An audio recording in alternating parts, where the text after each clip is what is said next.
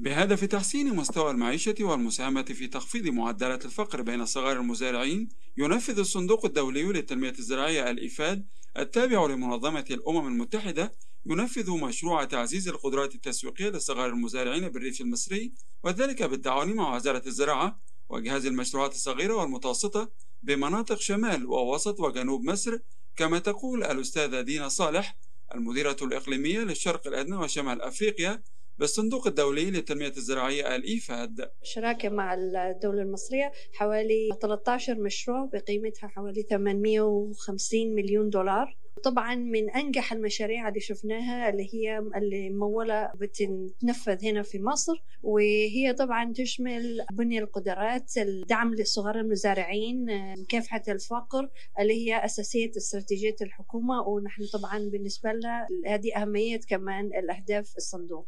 نحن طبعا المشروع مثل ما أنا حكيت من قبل من 2013 مشروع برايم قائم ونحن طبعا تابعين المشروع كفاءه الجهات والخ الخبراء كمان بندعمهم وحاليا نحن في مرحلة الانطلاق بالنسبة للمشروع أنجزت الآن. طبعا فيها كثير من المؤشرات اللي هي الناجحة ونحن الآن هدفنا إنه نحن ندعم المشاريع هنا ومشروع البرايم بخص بمشاريع متكاملة ومشاريع يعني إضافية في المستقبل. وفي محافظة سوهاج يستهدف مشروع تعزيز القدرات التسويقية لصغار المزارعين بالريف المصري الأسرة الريفية وأصحاب الحيازات الصغيرة أقل من ثلاثة أفدنة والمزارعين الذين لا يملكون أراضي والسيدات الريفيات المعيلات وأصحاب المشروعات الصغيرة والمتوسطة. وسألنا السيد علاء لويس المشرف بجهاز تنمية المشروعات الصغيرة بسوهاج عما يقدمه الجهاز للمزارعين من خلال هذا المشروع فقال النهارده تلبية لدعوة السيد وكيل وزارة الزراعة.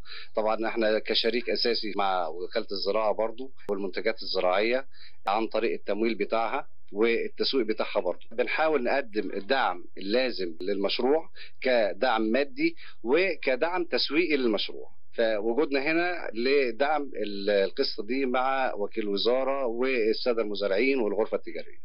في الدعم المادي كقروض وفي اللي هو عن طريق المنافذ التسويقية للمشروعات والمنتجات بتاعة المشروع نفسه. يعمل مشروع تعزيز القدرات التسويقية لصغار المزارعين بالريف المصري في سبع محافظات بمصر منها قنا، أسيوط، سوهاج، المنيا وبني سويف بالوجه القبلي، وكفر الشيخ والبحيرة بالوجه البحري.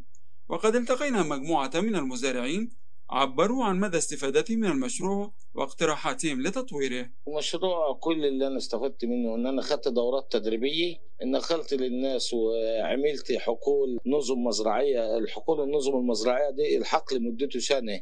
اي ثلاث زرعات في السنة بدل ما كان بيزرع زرعتين علمته إزاي إنه يزرع ثلاث زرعات. حقول إرشادية أخذت تجاوب بصل دعمونا بتجاوب بصل من مركز البحوث وزرعناها وكانت عالية الإنتاج عن التجاوب الثاني. جابوا لنا نوع توم جديد اسمه 46 وزرعناه عند المزارع والحمد لله نوع التوم دوت جاب محصول عالي جدا. المشروع بيمدني بمبيدات ومخصبات حيوية مجانا وبيشرف على الزراعة بتاعتي. دكاترة من مركز البحوث ودكاترة من مشروع إبراهيم برضه بيجوا يبصوا عليه. وأصناف دي وبنزرع دلوقتي أصناف جديدة. كنت الأول بنزرع من البيت دلوقتي بنزرع بيدونا أصناف جديدة. زودت معاه الإنتاج زودت معاه دخلي.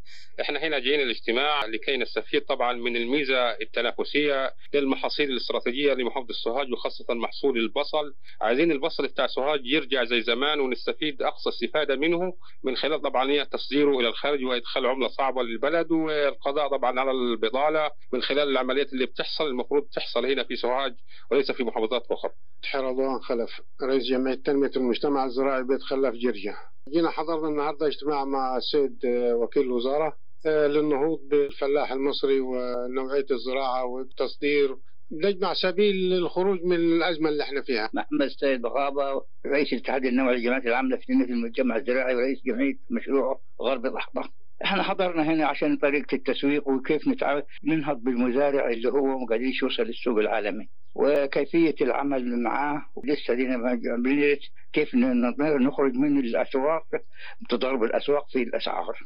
أهم الدعم اللي قال بها عاوزين إحنا بالمطار سوهاج بدل ما هو مطار مثلا محدد لا يبقى للبضائع علشان نقدر نصدر على طول الإنتاج بتاعنا مباشر. أشاد الصندوق الدولي للتنمية الزراعية الإيفاد عبر موقعه الإلكتروني بمشروع تعزيز القدرات التسويقية للصغار المزارعين بالريف المصري لما يحققه من إنجاز جديد في تطوير الزراعة المصرية حيث يعمل المشروع من خلال منصة إلكترونية وتطبيق للهاتف يساعد الصغار المزارعين في تسويق منتجاتهم عبر الإنترنت وربطهم بالأسواق المحلية والعالمية.